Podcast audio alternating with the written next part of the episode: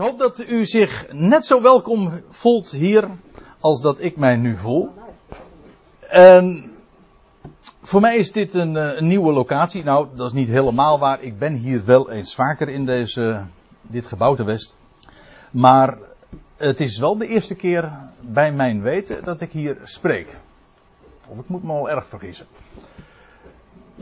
En we hebben een, eh, een negental uh, avonden in eerste instantie in de planning voor dit seizoen tot en met juli. Om elke drie weken, donderdagavond, een, uh, een Bijbelavond te geven over het evangelie van. Nou, ik had me eigenlijk ook geen mooiere titel kunnen wensen. Als we het hebben over een evangelie, dan praten we over een goede, goed bericht, een blijde tijding, een blijde boodschap. Wat wil je nog meer om te bespreken? En daar gaan we het dus inderdaad over hebben. En vanavond is een introductie in dat onderwerp. Want ik ga het vanavond eigenlijk niet eens zozeer hebben over het evangelie van. Dat zullen de volgende, uh, volgende avonden worden. Maar ik ga het nu hebben, zoals u dat hier ook geprojecteerd ziet, over het evangelie. Wat is dat dan wel? En het werkwoord evangeliseren, want ik zal u dit vertellen, dat werkwoord komt heel wat keren voor in onze Bijbel. Althans, in het origineel. Dat is dus het onderwerp voor vanavond. En ik heb het nog niet helemaal uh, voor mezelf uh, besloten hoe ik de indeling precies maak. Want ja, als je een concordantie raadpleegt en je kijkt waar de uitdrukking het evangelie van puntje, puntje, puntje voorkomt, dan is dat nogal wat keren. En dan kun je een hele lijst op, opsommen. En dan kom je zo bij 13, 14 verschillende uitdrukkingen in dat verband. En we hebben negen avonden, dus ik zal toch een keuze moeten maken. Maar ik heb onder voorbehoud in elk geval toch al een beetje een, een keuze gemaakt waar we het dan over gaan hebben. Dit dus uh, als eerste vanavond Vervolgens over het evangelie van de Christus. Dat is een uitdrukking die nogal eens een keer gebezigd wordt. Het evangelie van het koninkrijk. Een uitdrukking die met name in het boek of ja, in het handelingen, maar uh, vooral dan ook in de evangelie heel dikwijls gebruikt wordt. Het evangelie van mij, en dat bedoel ik natuurlijk niet van André Piet, maar uh, de uitdrukking zoals we hem in de Bijbel uh, tegenkomen. Mijn evangelie. Paulus spreekt daar diverse keren over. En ik wil, het, wil daar graag ook eens één avond aan besteden. Het evangelie van de voorhuid, zo wordt het ook genoemd. Maar goed, dat is voor een, eh, een later tijdstip. Ik geef u nu eventjes een indruk wat we zo deze avonden allemaal gaan bespreken en wat dan daarbij ter sprake zal komen. Het evangelie van de verborgenheid. Dat is ook een uitdrukking die in dat verband gebezigd wordt. Heel belangrijk, ook voor het verstaan, juist in onze tijd. Het evangelie van de genade gods. Wat dacht u daarvan? Uitdrukking uit Handelingen 20, maar gerelateerde begrippen uh, komen ook nogal wat keren voor. Daar moeten we beslist ook een avond aan, aan wijden. En dan de zevende. Misschien is dat wel de allermooiste. Dat is persoonlijk, dat geef ik toe. Maar ik ben zelf, uh, ik, hoe zeg je dat nou gewoon? Maar ja, nou laat ik dan zeggen wat mij in gedachten komt. Ik ben verliefd op die uitdrukking. Het evangelie van de heerlijkheid van de gelukkige God. 1 Timotheus 1, vers 11. Allemaal ene. En ik zou hem dus ook als eerste genoemd kunnen hebben. Maar ik, ik heb hem nu op nummer 7 gezet en die vond ik eigenlijk ook wel erg mooi. Ja. Het evangelie van de heerlijkheid van de gelukkige God. En dan het evangelie van de heerlijkheid van Christus. 2 Korinthe 4. Wat houdt dat dan in? Het evangelie van de vrede. Ja, en ik moet dan eigenlijk nog doorgaan. Maar goed, uh, die laatste is nog eventjes arbitrair. Ik weet niet precies hoe ik het uh, exact wil gaan doen. Het kan zijn dat ik het ook nog een avond ga wijden over het evangelie van de besnijdenis en van de voorhuid. Galaten 2. Dat uh, zullen we wel zien. Maar in ieder geval, deze begrippen, deze uh, frasen, zullen we zeker ook ter sprake brengen. Laten we eerst eens eventjes inzoomen op wat dat woord evangelie, ik bedoel, het is een haast eh, platgetreden woord. Je gebruikt het zo vaak. Mensen uh, kennen allemaal het woord evangelie. Uh, ik denk dat het aantal mensen die weet wat het betekent aanzienlijk uh, kleiner is. Maar wat het echt is en wat de Bijbel daaronder verstaat, ja, dat is natuurlijk nog weer een heel verhaal apart. En daarvoor moet je dus echt de Bijbel openen. De schriften openen, preciezer gezegd. Oké, nou laat ik het heel bazaal benaderen. Wat is dat woord evangelie? Nou, zo schrijf je het. Dat uh, verbaast u niet. Maar zo schrijf je het in het Grieks. Dat wil zeggen, dat is de wijze waarop we dat woord in, de, in het origineel tegenkomen. De, zelfs het font is nog. Eh, de letter, het lettertype, dat is de wijze waarop Petrus en Jacobus en, en Paulus dat optekenden. Op die manier. Euangelion. Zo spreek je dat dan uit. En dat, laten we dat dan ook nog even ontleden. Dat woordje, dat eerste, dat ons, die eerste lettergreep, of die, dat die eerste letter, die staat dan voor het Griekse ui. En dat betekent wel. In de zin dus van, uh, zoals uh, het Grieks dat woord ook kent. Ik geef nu een aantal voorbeelden zoals we die in het Nieuwe Testament allemaal tegenkomen. Bijvoorbeeld welluidend. Het luidt wel. Het luidt goed. Want dat is uh, de betekenis die daar toch het dichtste bij komt. Welluidend, of wat dacht u van deze? Welriekend. Ook, zo'n, ook een begrip, een Grieks begrip, dat eigenlijk één op één uh, vergelijkbaar is met ons woord. Waarbij wij ook het woordje wel gebruiken. In die zin dus. Het riekt goed. Het ruikt goed. Het ruikt wel. Of wel doen. Niet wel doen. Jij, jij moet het wel doen. Hij doet het niet en hij doet het. Nee, niet zo. Maar. ja, nee, eh, taal kan lastig zijn. Nee, wel doen. Je doet wel aan iemand. Of welvaart. Het zijn allemaal woorden die we in het Nederlands kennen en een, uh, haast één op één in het, uh, in het Grieks ook bekend zijn. Welvaart of welgemoed. Een goed gemoed hebben. Nou, of nog één, welgevallig. U ziet, we hebben in het Nederlands ook heel wat woorden die zo beginnen met wel in deze betekenis van het is goed, het is wel. Dat is dus dat eerste onderdeel, dat, dat eerste element van dat woord evangelie. En dan dan het andere onderdeel, angelion. Dat kennen we eigenlijk ook wel, want daar ons woord engel is daar weer, of wat denkt u van het Engelse woord angel, is daar direct van afgeleid, komt dus eigenlijk linea recta uit het Grieks. En dat betekent boodschap of een bericht. Zodat als je het hebt over euangelion, of meer Nederlands evangelie, maar dat is niks anders dan een vernederlandste uitspraak van een Grieks woord. Euangelion betekent dus eigenlijk een welbericht. Oftewel een goed bericht. Ik heb wat met dat woord, ik weet niet hoe dat komt. Maar uh, ik heb wel een idee. Maar uh, een goed bericht. Dat is wat het woord betekent. Of enkele andere varianten die, je daar, die min of meer synoniem daarmee zijn. Een goede tijding. Of een blijde tijding. Maar het woordje of het begrip goed bericht zit daar heel dicht tegenaan. Nou, Laten we dan de, concordantie nog eens raadplegen, waar ik het zojuist even over had. We komen dat woord als zelfstandig naamwoord, dus als het evangelie, komen we 76 keer tegen in het Nieuwe Testament.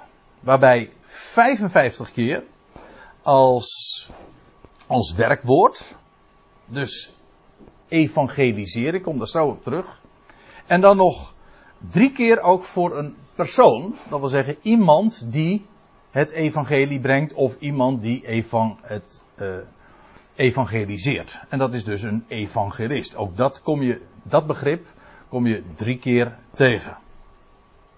Dus dat levert een totaal op, als je al die woorden even bij elkaar optelt, van 134 keer. Op dat werkwoord wil ik toch wel eventjes dieper ingaan, want die is heel boeiend. Ik zei u dat werkwoord evangeliseren, het, eh, in de meeste Bijbelvertalingen komt het helemaal niet voor. Maar als je het heel letterlijk weergeeft, komt dat dus 55 keer voor in, uh, in het Nieuwe Testament. En dat heeft, dat wordt vertaald met onder andere het evangelie verkondigen. Of het evangelie prediken. Of gewoon weg verkondigen. Of het evangelie brengen. Dat zijn allemaal weergaven van dat ene Griekse woord, namelijk het werkwoord voor het evangelie. Brengen of het evangeliseren. Maar daar zit toch nog iets meer aan vast dan dat ik nu zeg. Als je zegt dat het evangeliseren hetzelfde is als evangelie brengen. Ja, en toch, het gaat dieper. Het gaat hoger, het gaat verder. Het is meer. Kijk, het Grieks kent een standaardvervoeging voor het werkwoord boodschappen. Of berichten. Je bericht iets. Of je boodschapt iets. Daar is een gewone standaardvervoeging voor om dat als werkwoord te gebruiken. Ik geef toe, dit klinkt wel heel erg grammaticaal en, en het kan zijn dat sommige mensen nu zeggen van, uh, André, ik dreig nu af te haken bij zulke uiteenzettingen. Hou het, hou nog even de aandacht erbij. Want, kijk, voor het evangelie gebruikt het Nieuwe Testament een speciale werkwoordsvorm. En die eindigt in het Grieks met izijn. En die kennen wij in onze taal heel goed. Is trouwens internationaal, ook in het Engels, in het Duits, in het Frans heb ik begrepen. Gewoon, het is internationaal. Deze uitgang, die, die wordt uh, heel dikwijls gebruikt. En wij zeggen dan, in het Griekse is het dan, eindigt dat dan met izijn, maar uh, wij zeggen dan iseren. En er zijn heel veel werkwoorden die we gebruiken die eindigen met iseren. Nou, bijvoorbeeld, uh, demoniseren. Zo, het grappige is trouwens, in het Nieuw Testament komt die uitdrukking, of die, dat werkwoord demoniseren, heel wat keren voor. Niet alleen dus het, uh, het zelfstandige naamwoord een demon, maar ook demoniseren. Ja, u dacht dat is uitgevonden door Pim Fortuyn, maar dat is niet zo. Ja, die, die zei toch altijd dat hij eh, gedemoniseerd werd. Nou ja, of dat terecht of onterecht was, daar hebben we het niet over. Maar demoniseren, wat betekent dat, dat woord? Dat betekent tot een demon maken. iemand die, als je iemand demoniseert, dan betekent dat je maakt hem tot een demon. Of, uh, ja, ik geef zomaar een willekeurig aantal voorbeelden. Je spreekt over kristalliseren. Wat is kristalliseren? Dat wil zeggen, het wordt, tot een, het wordt gemaakt tot een kristal. Of fossiliseren. Dat is het hele proces waarbij iets een fossiel wordt. Je hebt een levend organisme, dat sterft. En dat kan in onder bepaalde omstandigheden een fossiel worden. Nou, dat proces, dat heet, zo, het was een levend organisme, maar het fossiliseert. Het wordt dus gemaakt tot een fossiel. Dan hebben we ook nog het woordje christianiseren. Dan hebben we ook nog een ander woord trouwens, kerstenen. Dat wil zeggen iets eh, ons, onze kerstfeest is een gekerstend feest. Gechristianiseerd. Het was oorspronkelijk het midwinterfeest. En, nou ja, et cetera. Maar het is gekersten, gechristianiseerd. Men heeft het uh, christelijk gemaakt.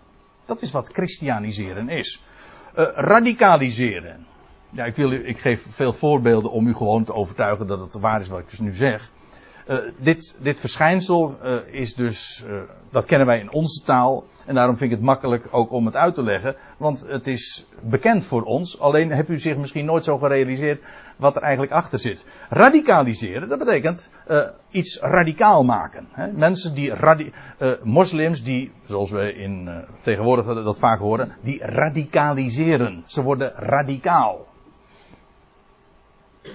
Heeft trouwens weer te maken met dat ze naar de wortels teruggaan. Met de radix. ja, radicaal betekent eigenlijk tot de wortel teruggaan. Nou ja. Uh, radicaliseren, dat is dus radicaal maken. Uh, je kan iets ook dramatiseren. Sommige mensen zijn er heel goed in. Je hoort uh, soms heel neutraal nieuws. Juist gisteren hoorde ik daar weer een aardig voorbeeld van. Ik zal het maar niet noemen. Maar dat, ik haalde mijn schouders erover op en vervolgens hoorde ik een versie van een ander over hetzelfde verhaal. En dat was uh, datzelfde verhaal, wat ik, waar ik mijn schouders over ophaal, was door die ander gedramatiseerd. Dat, dat, dat verhaal was tot een drama gemaakt. Nou ja, dat kan terecht of onterecht, daar gaat het me niet om. We, zo gebruiken we het woord. Dramatiseren, dan maak je iets tot een drama.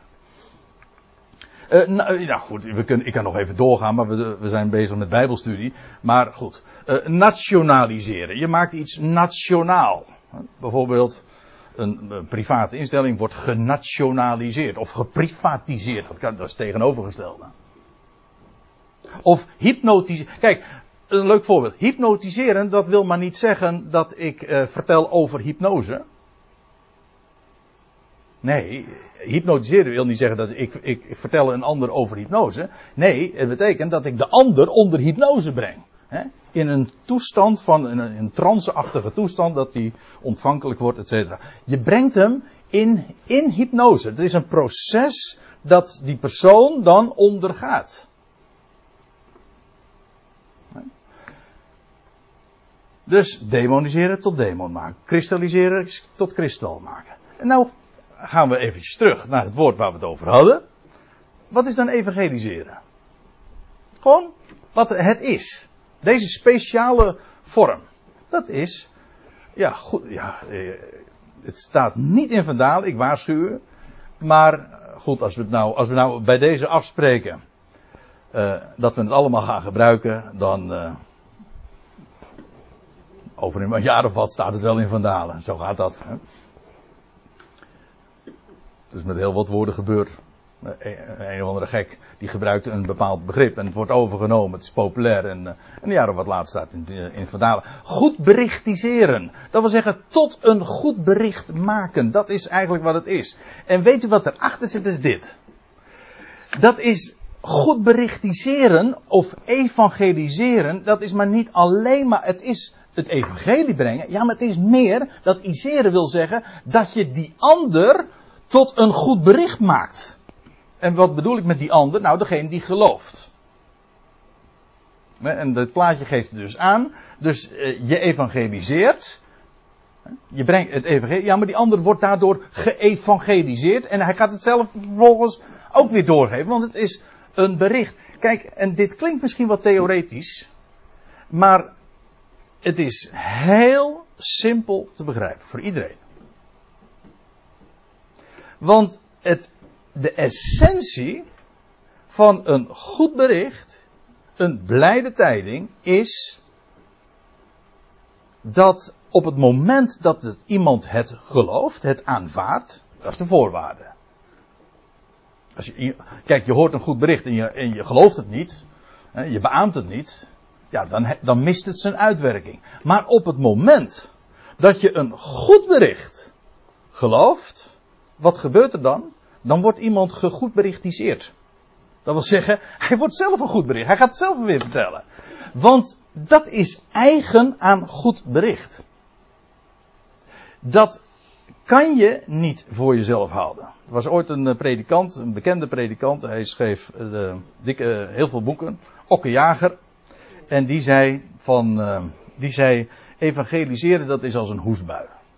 Of een, nee, of een niesbui je kan het niet uh, inhouden. En dat is precies wat het is. Je kan het niet binnenhouden. Het is, dus dan begrijp je wel. Uh, Ja, dat was, de voorwaarde daarbij is uiteraard wel dat het een goed bericht is. Ik, laat ik een, een, een concreet voorbeeld geven. Je bent ziek.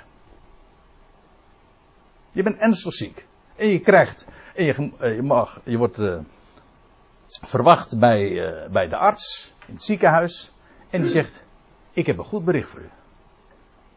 U bent genezen. Op het moment. Ja, kijk, als je die, die dokter dan niet gelooft, dan mist het zijn uitwerking. Maar op het moment. De dokter zegt het. Ik ben genezen. Wat gebeurt er dan? Een goed bericht. Zoiets. Nou, zoiets kun je inhouden, misschien. Je kunt proberen. Maar het lukt niet. Dat lukt niet. Je, het is eigen aan een goed bericht. Je wil het gewoon doorgeven. Dat, zo werkt toch? Of, uh, ik noem een ander voorbeeld. Uh, je bent geslaagd voor het examen. Daar hoef je geen cursus voor te volgen. Van hoe vertel ik het mijn buurman? Of hoe vertel ik het mijn, uh, mijn maatjes in de, op, op de voetbal? Hoe vertel ik dat goede bericht nou aan een ander? Dat is toch krankzinnig? Ja, je bent je goed. Ja, en dus vertel je het. Dat, dat, dat, dat hou je niet in. Je moet moeite doen om het in te houden. Maar ik zeg nu, je hoeft geen cursus te volgen van hoe vertel ik het mijn buurman. Maar ik zal u vertellen, er zijn heel veel mensen die zich noemen naar het evangelie. En die komen samen in evangelische bijeenkomsten of in christelijke bijeenkomsten. Die noemen ze ook wel kerken. En daar worden, of ik bedoel dat gewoon in het algemeen. Maar daar worden cursussen gegeven hoe vertel ik het evangelie aan andere mensen? En weet u, als ik zoiets hoor, of als verneem dat er zulke dingen dan verteld worden, of uh, cursussen ingedaan worden, dan weet ik één ding al op voorhand. Sorry dat ik het zeg, hier wordt geen goed bericht verteld. Dat is onmogelijk. Want een goed bericht vertelt zichzelf. U zegt, ja, maar niet iedereen kan netjes spreken. Nou en? Dan vertel je het houterig of stotterend. Of dan gebruik je verkeerde woorden. Natuurlijk, iedereen vertelt het op zo, op zo goed mogelijk. Je doet het gewoon, elk, uh, hoe zeggen we dat? Elk vogeltje zingt zoals het gebekt is. Ja, het maakt helemaal niet uit hoe je het vertelt. Dat, je vertelt het. En de een kan het heel welluidend, welluidend, weet je wel, eh, vertellen. En die, eh, je hebt mensen die daar dan ook heel breed sprake over zijn. Sommige mensen zijn van heel weinig woorden. Maar je ziet in de ogen van, het is echt een goed bericht. Echt een goed bericht. Het is, je bent er blij, je hoort iets en je bent er blij mee. Je, je hebt een kind gekregen. Het is allemaal gezond. Daar hoef je toch ook geen cursus voor te volgen. Hoe vertel ik het uh, mijn vrienden en mijn collega's? Dat is toch, dat is toch, dat is toch uh, bizar. Maar waarom, hoe, hoe, hoe komt het dat wij uh, wel dat idee hebben? Voor mij is het heel simpel. Als zulke dingen, of als mensen aangespoord werden, mensen, jullie moeten wel het evangelie vertellen. Dan weet ik ook meteen op voorhand al, hier wordt niet geen evangelie verteld. Als je het evangelie kent, en het is ook echt evangelie, dan zul je soms mensen moeten indammen van kijk uit dat je niet altijd overal vertelt, want je moet er een beetje voorzichtig mee zijn. Daar hou ik trouwens ook al niet zo van hoor, want ik denk van laat het er lekker uitknallen. Vertel het gewoon.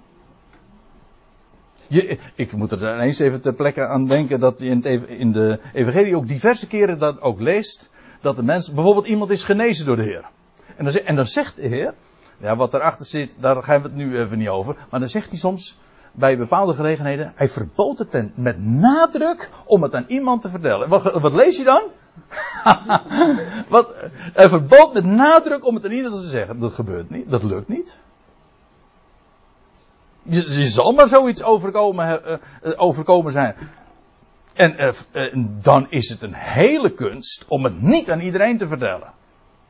Het vertelt zichzelf. Kijk, deze mensen, die zijn allemaal gegoed berichtiseerd. Je hoort een goed bericht. En, en dus, omdat ze het evangelie of dat goede bericht geloven, kunnen ze het niet voor zich, voor zich houden. En dus vertellen ze het weer een andere. En die vertellen het ook weer een andere. En die zijn allemaal gegoed berichtiseerd.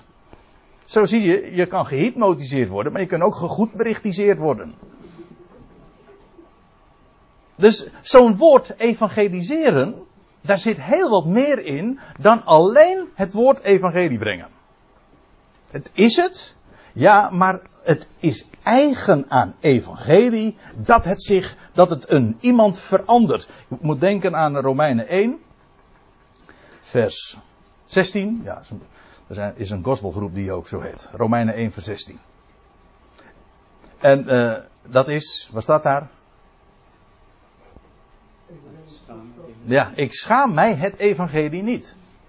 Het is trouwens een nog mooiere weergave. Het staat namelijk in, in een zodanige vorm. Eigenlijk staat er, het evangelie beschaamt mij niet. Dus het is niet de bravoure van, oh, ik ben zo'n stoer, ik schaam mij het evangelie niet. Nee, het evangelie beschaamt mij niet. Waarom? Want het is een kracht gods voor een ieder die gelooft. Daar hoef je dus helemaal niks voor te doen. Het is een kwestie van, het is het is de power van het bericht, een goed bericht, een welbericht, dat het de ander verandert. Het is een kracht van God. Dat, die zit in dat evangelie zelf. Daarom is het zo belangrijk dat je echt het evangelie vertelt. En niet iets nep. Of wat daar, want er, is, er wordt zo enorm veel verteld en verkocht voor evangelie, dat geen evangelie is. En, terwijl ik het zeg, denk ik ineens van, ik citeer nou gewoon letterlijk min of meer gelaten 1. Maar dan zegt Paulus het. U zegt, ja, maar dat was in Galatië, was daar een dwaling. Ik zal u dit vertellen, dat wat er toen in Galatië alleen daar verteld werd, dat is vandaag gewoon bonton in, uh, in heel uh, de christenheid. Dat is, u zegt, dat is geen goed bericht. Nee, uh, dat is juist de ellende. dat is zeker geen goed bericht, nee. Dat is geen evangelie. Evangelie is echt een goed bericht. En vertel het. En degene die het gelooft, uiteraard, die dat zegt. In, uh, geloven doe je met hart, hè? dat weet u. Geloven is vertrouwen. En dat doe je met het hart. De evangelie, uh, hoe staat het er ook weer? Want met het hart gelooft men. Met de mond beleidt men. Maar wie het met het hart gelooft, ja. Die, daar is een kracht gods. Dat woord kracht gods trouwens, dat is in het Grieks dynamisch. En daar is ons woord dynamiet weer van afgeleid. Nou ja, denk er maar eens over na. Ik uh, vind hem wel mooi.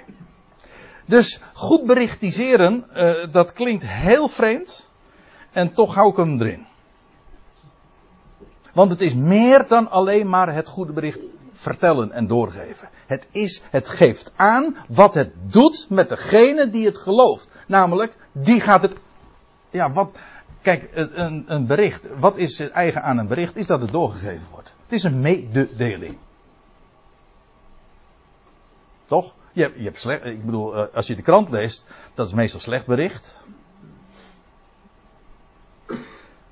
En dan lees je, en kun je je abonneren. En daar betaal, betaal je zelfs nog flink geld voor.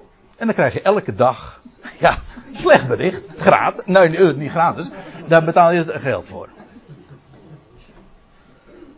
Als je het zo, als je het zo zegt, denk je, wat bezielt mensen hè, om dat te doen.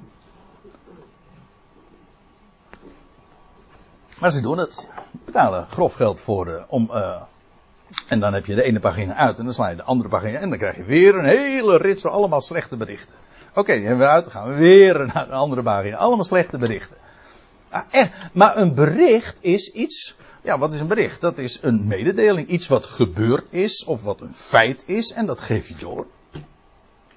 Dat is een bericht. En een goed bericht wil zeggen, het is een bericht dat je blij maakt. En dat vertelt zichzelf. En, daar, en vandaar dat dat woord evangeliseren in de Bijbel gebruikt wordt. Een speciale werkwoordvorm die aangeeft dat het de persoon die het hoort en gelooft, daardoor verandert. En die eigenlijk, ja, je kan gehypnotiseerd worden en je kan geëvangeliseerd worden. Je gelooft het en het gaat er weer uit. Dus u ziet, dat woord evangeliseren geeft aan wat het doet met een mens.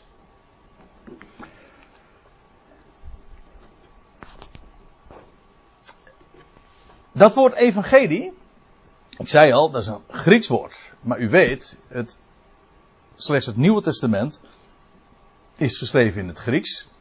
Het Oude Testament, zoals wij dat noemen, de Hebreeuwse, de Hebreeuwse Bijbel, is, wat dacht je wat, geschreven in het Hebreeuws. Oké.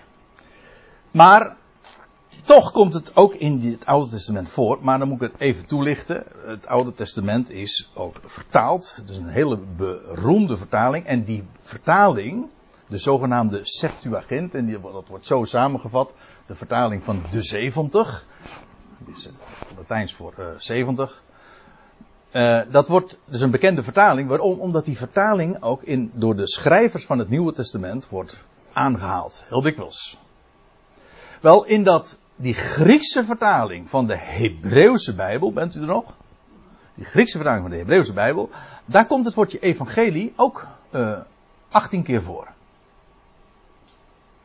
Dat zou nou trouwens nog heel wat keer meer kunnen. Maar daar, uh, dat zullen we nu uh, even, dat parkeer ik even. Ik wil een paar voorbeelden geven. Voordat we naar het Nieuwe Testament toe gaan. Van waar dat zo al gebezigd wordt. In 2 Samuel 18. Daar lees je. Uh, maar Joab zei tot hem. Ja, dit, gaat, dit is de geschiedenis van. Ja, van David. Die. Uh, van zijn legeroverste Joab uh, iets te horen kreeg. Het ging namelijk over zijn zoon Absalom. Absalom. En dan staat er maar Joab, Joab zei tot hem, op deze dag echter zou gij geen goede tijding brengen, omdat de zoon van de koning dood is. Daar was nogal wat misverstand over, want iedereen dacht dat het een goede tijding was, maar David vond het vreselijk. Maar goed, daar gaat het even niet om. Hier wordt uh, dat woord in de Septuagint uh, weergegeven met evangelie. Of waarschijnlijk, maar dat heb ik even niet nagekeken, de werkwoordsvorm, dus evangeliseren.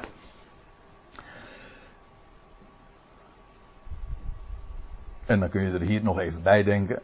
Het, als we het hebben over de zoon van, als de zoon van de koning dood is, ja, dat is geen goed nieuws. Maar ik ken een zoon van de koning, die leeft. De echte koning. De echte zoon van David. Ja. Nou ja, denk daar maar eens over na. Ik ga naar een volgend voorbeeld. Psalm 96. Daar lezen we, zingt de Heer, zingt Yahweh. Ik heb even hier nog geen interlineair bij, maar uh, dat maak ik straks weer goed. Uh, zingt de Heer, zingt Yahweh, prijs zijn naam. Hoezo? Waarom zouden we zijn naam prijzen? Wel, dan staat er in onze vertaling, boodschapt zijn heil. Ja, dat zijn allemaal van die uh, bekende termen. Ik zei, we hebben het over evangelie en dat is ook zo'n woord dat we natuurlijk allemaal bezigen. Maar ja, het is eigenlijk een Grieks woord. Ken je de impact van het woord? Maar dat geldt ook voor een woord als heil. Ja, wat betekent dat heil? Oud-Nederlands. De meeste mensen hebben geen idee meer wat dat betekent. Maar heil, dit woord, dat betekent letterlijk uh, redding. Maar hier staat in de Septuagint ook boodschap zijn heil, dat wil zeggen evangeliseren. Van dag tot dag. Dat wil zeggen, en dat betekent dus, breng dat goede bericht, namelijk van redding, van dag tot dag. Want hij redt. Nog één. Jezaja 52, die, die is heel interessant. Waarom? Omdat die, dat gedeelte wordt aangehaald door Paulus in Romeinen 10. En trouwens ook in Efeze 6 de voeten geschoeid met het evangelie van de vrede. Dat is Efeze 6. Maar er staat in uh, Jezaja 52 dit. Hoe lieflijk zijn uh, op de bergen de voeten van de vreugdebode die, die vrede aankondigt. En dan staat erbij, die goede boodschap brengt. En hier staat ook weer in de Septuagint, evangelie, die een die, het eva die evangeliseert, die een goed bericht brengt. Die heil of redding verkondigt. Die tot Sion zegt, uw God is koning. Uw God is koning. Dat kun je ook nog uh, weergeven. En uh, ik heb deze tekst nu ook mede genoemd, omdat we het een van de volgende avonden zullen gaan hebben over het evangelie van het koninkrijk. En dat heeft alles te maken met die boodschap die in de eerste plaats gericht is aan Zion en het volk van Zion, het volk van Israël, die de boodschap hoort, het bericht te horen krijgt. Uw God is koning en hij vestigt zijn koninkrijk. Ik bedoel gewoon letterlijk, hè? Een koninkrijk met een troon en een plaats waar zijn residentie is, Jeruzalem, en daar zal hij regeren. Letterlijk. Hij gaat zijn koninkrijk opbouwen en ook uitbouwen. Vanaf zijn troon vestigt de zoon zijn heerschappij. En hij zal die heerschappij vestigen in Israël en vervolgens ook onder al de natieën. Dat is het evangelie van het koninkrijk. Dat is geen uitvinding van het Nieuwe Testament. Dat staat al gewoon in de Hebreeuwse Bijbel aangekondigd. En eh, te midden van alle onrust en te midden van alle politieke toestanden in de wereld eh, weten wij, en straks gaat het ook daadwerkelijk door Israël zo gepredikt worden, zoals het in, in, in het verleden al gehoord werd, namelijk de blijde tijding van het koninkrijk dat komt. En heel concreet, openbaar. Nu is alles verborgen. Dat is ook een evangelie, het evangelie van de verborgenheid namelijk. Maar straks wordt dat openbaar. En dan wordt de koning openbaar, zal verschijnen. Dus een heel Bijbelboek dat erover gaat. Het boek van de openbaring, dat bedoel ik. Dat gaat over de openbaring van Jezus Christus. Namelijk als koning in Sion, de enige plaats waar, hij, waar zijn troon hoort te staan. De plaats namelijk van de troon van David. Wel, en dat zal gepredikt worden. Dat is een goede tijding. Want dat zal namelijk ook, dan zal een tijd aanbreken voor de hele wereld. Daar snakt de mensheid naar. Naar vrede en naar recht. Werkelijk een koninkrijk. En zoals iemand dat uh, zo mooi zei, dat is geen koning die lintjes doorknipt, maar eentje die knopen doorhakt. De koning die werkelijk orde op zaken zal stellen. Dat is maar niet een of ander uh, ornament van een, van een politiek systeem. Nee, dat is echt een koning. Die het voor het zeggen zal hebben. Die met een ijzeren roede zal heersen. Maar in vrede en in, in een overvloeiende gerechtigheid, zegt de Bijbel. Heb ik er nog één. Die wordt ook aangehaald in het Nieuwe Testament. Die zijn het interessantst ook om in dit verband even genoemd te hebben. Sorry. Jezaja 61. En dit gedeelte wordt aangehaald in, uh, in Lucas 4. Dat is die geschiedenis. Ik wil u er even aan herinneren. Dat is die geschiedenis dat uh, Jezus optreedt in de synagoge van Nazareth. Dan lees je dat hij opstaat. Zoals dat daar dan gaat in de synagoge. En dan krijgt een boekrol aangereikt. En dan opent hij de boekrol. En dan opent hij hem bij, Luc, bij pardon, Jezaja 61. En dan leest hij, gaat hij voorlezen. En dan, zegt, en dan leest hij voor dit gedeelte. De geest van Yahweh, van, de, van Adonai uh, Yahweh, de geest des Heren Heren is op mij, omdat de Heere mij gezalfd heeft. Dat wil zeggen, mij tot Mashiach maakt. Want dat is het woord, gezalfd. Mashiach, Christus. Het geeft dus meteen aan over wie we het hebben. Die identiteit. Omdat de Heere mij gezalfd heeft, hij heeft mij gezonden om een blijde boodschap te brengen. En ook hier staat weer in de Septuagint dit woord. Evangelie. Dus dat is niet pas in het Nieuwe Testament. Hier in Jezaja 61 wordt al gesproken over het evangelie. Hij heeft mij gezonden om een blijde tijding, een goed bericht te, brengen, te goed berichtiseren. Uh, aan wie? Nou, aan de ootmoedigen, aan de nullen. Hm? Wist u dat dat ootmoed eigenlijk betekent? Zij die de moed hebben een ootje te zijn. Een O. Een nul. En uh, de,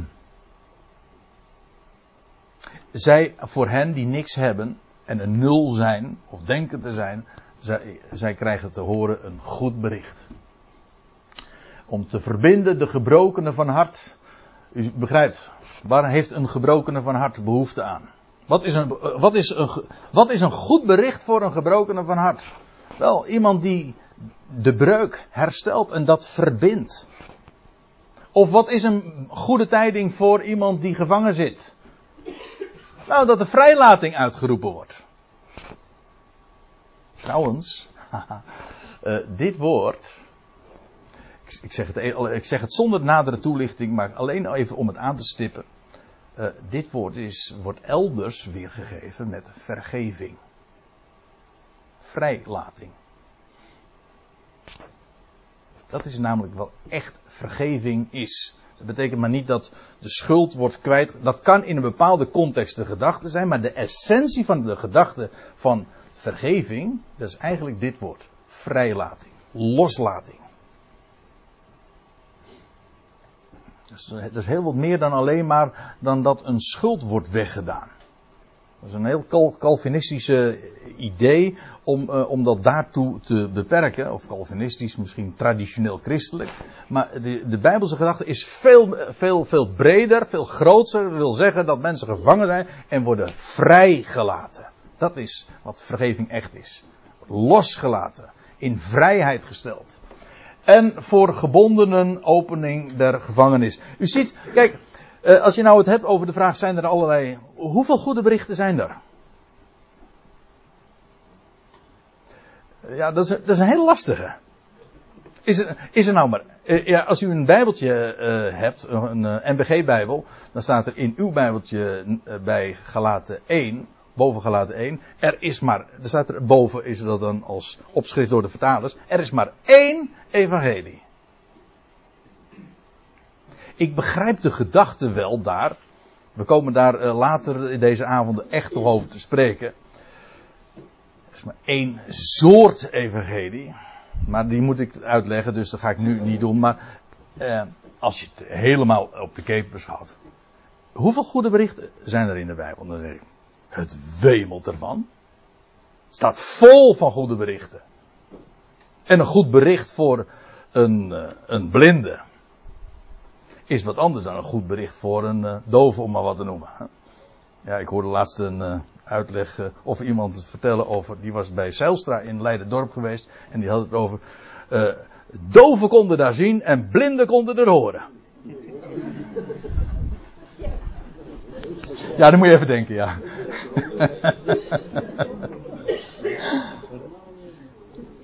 Geweldige wonderen. Doven konden er zien en blinden konden weer horen.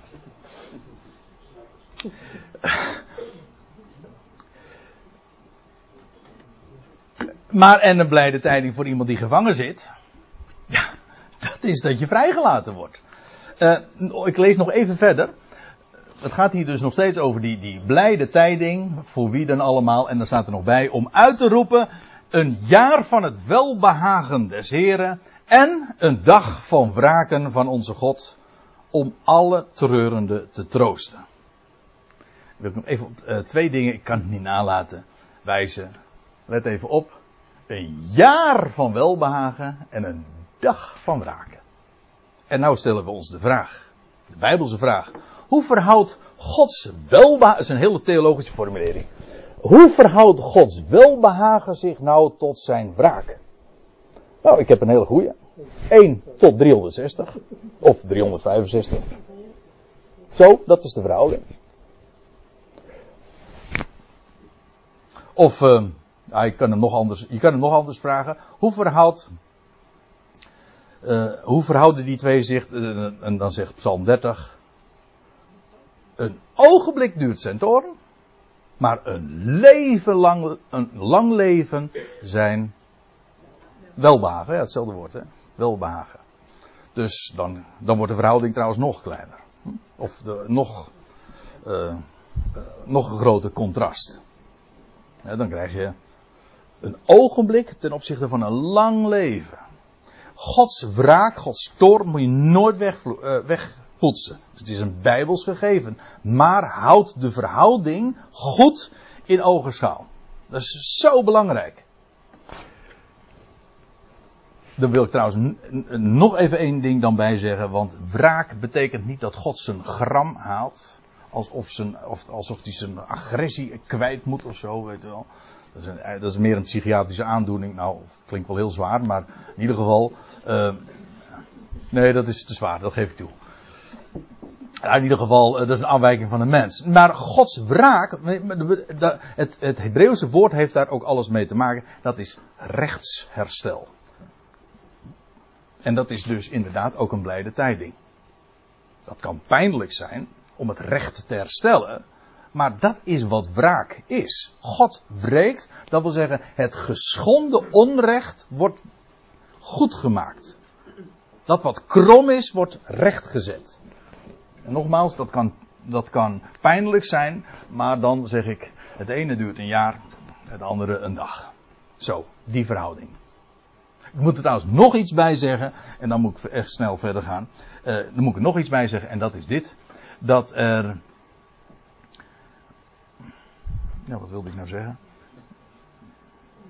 Oh ja, nee, dat als, de Heer Jezus dit aanhaalt in, in die synagoge, doet iets heel merkwaardigs. Want hij krijgt die boekrol, hij leest voor. En dan leest hij gewoon deze tekst zo voor. En dan, dan, dan leest hij verder. Om uit te roepen het jaar van het welbagen des Heren. Punt. Hij doet de boekrol weer dicht. En dan geeft het aan de, aan de bediende. En dan gaat zitten. En, hm? Zo, midden in de zin houdt hij op. dat is eigenlijk dat is eh, ontzettend vreemd dat als je dat zo leest. Want het staat midden in de zin. Ja, dat komt omdat die dag van wraak namelijk ook met de toekomst te maken heeft. En dat wat hij deed, had, heeft te maken met ja, de tegenwoordige tijd. Wat hij in zijn eerste komst deed. En daarom houdt hij midden, zet hij midden in de zin een punt en gaat hij gewoon zitten. En aller oog was op hem gericht, er dan in de synagoge. Wat doet hij nou? En toen zei hij, heden is, de, deze schrift, is dit schriftwoord voor uw oren vervuld. Alsjeblieft. Nou, toen werd, en toen werden ze giftig. Ja. Dat is, ook, dat is namelijk ook. Kijk, voor degene die gelooft, dat is, uh, dat is de waarschuwing. Voordat u al te blij wordt. nee, hoor, grapje. Uh, dat is de waarschuwing, maar het is wel heel reëel. Uh, voor degene die gelooft, is een goed bericht geweldig. Ja, daar word je blij van. En je kan dat niet voor je houden. Maar voor degene die niet gelooft, en zeker als dat uh, godsdienstige gevoelens en gedachten bij uh, komen kijken, die worden er giftig om. Dat is, werkt als een rode lap op een stier. Die worden niet goed berichtiseerd, die worden, die worden gedemoniseerd. En gedramatiseerd, ik weet niet, er gebeurt van alles. Geradicaliseerd, ja. Oh ja, dat is een hele goeie, ja. Vooral dat ook. Nou, het maakt van alles los. Nou, wat je ziet is, het, het, het, maakt zo enorm veel los. Want ja, het staat natuurlijk ook haaks op alles wat een mens uh, bedenkt en doet. En vooral uh, religie, ja. Uh, daar heeft het, goed bericht, het, het, goede bericht van de schrift staat er haaks op wat de mens moet doen. En dat heeft er allemaal niets mee te maken. Het goede bericht is juist zo'n goed bericht omdat het helemaal niks van de mens vraagt. Niks eist. De Bijbel zegt God geeft. Hij zegt, ah, een goed bericht wil zeggen, het is een mededeling. Dit heb ik gedaan, dit doe ik en dat zal ik doen. Alsjeblieft. Alsjeblieft. Als je het gelooft. Voor wie het gelooft. En dat, en, en het is een kracht God voor degene die het gelooft. Maar dat is maar makkelijk. Ja, dat is het ook. Je richt je ogen omhoog. En je wordt goed berichtiseerd. je, je wordt veranderd, je wordt blij. En ja, dat is, wat, dat is wat het doet. Nou, ik stel voor dat we eerst even gaan pauzeren. Was dat eigenlijk de bedoeling? Dat heb ik niet eens uh, gevraagd. Mini? Ja? Ja. Ja, er, er is uh, koffie. Oké, nee, dan, uh, dan gaan we dat. gaan we even pauzeren en dan gaan we straks verder over 1 Korinthe 15.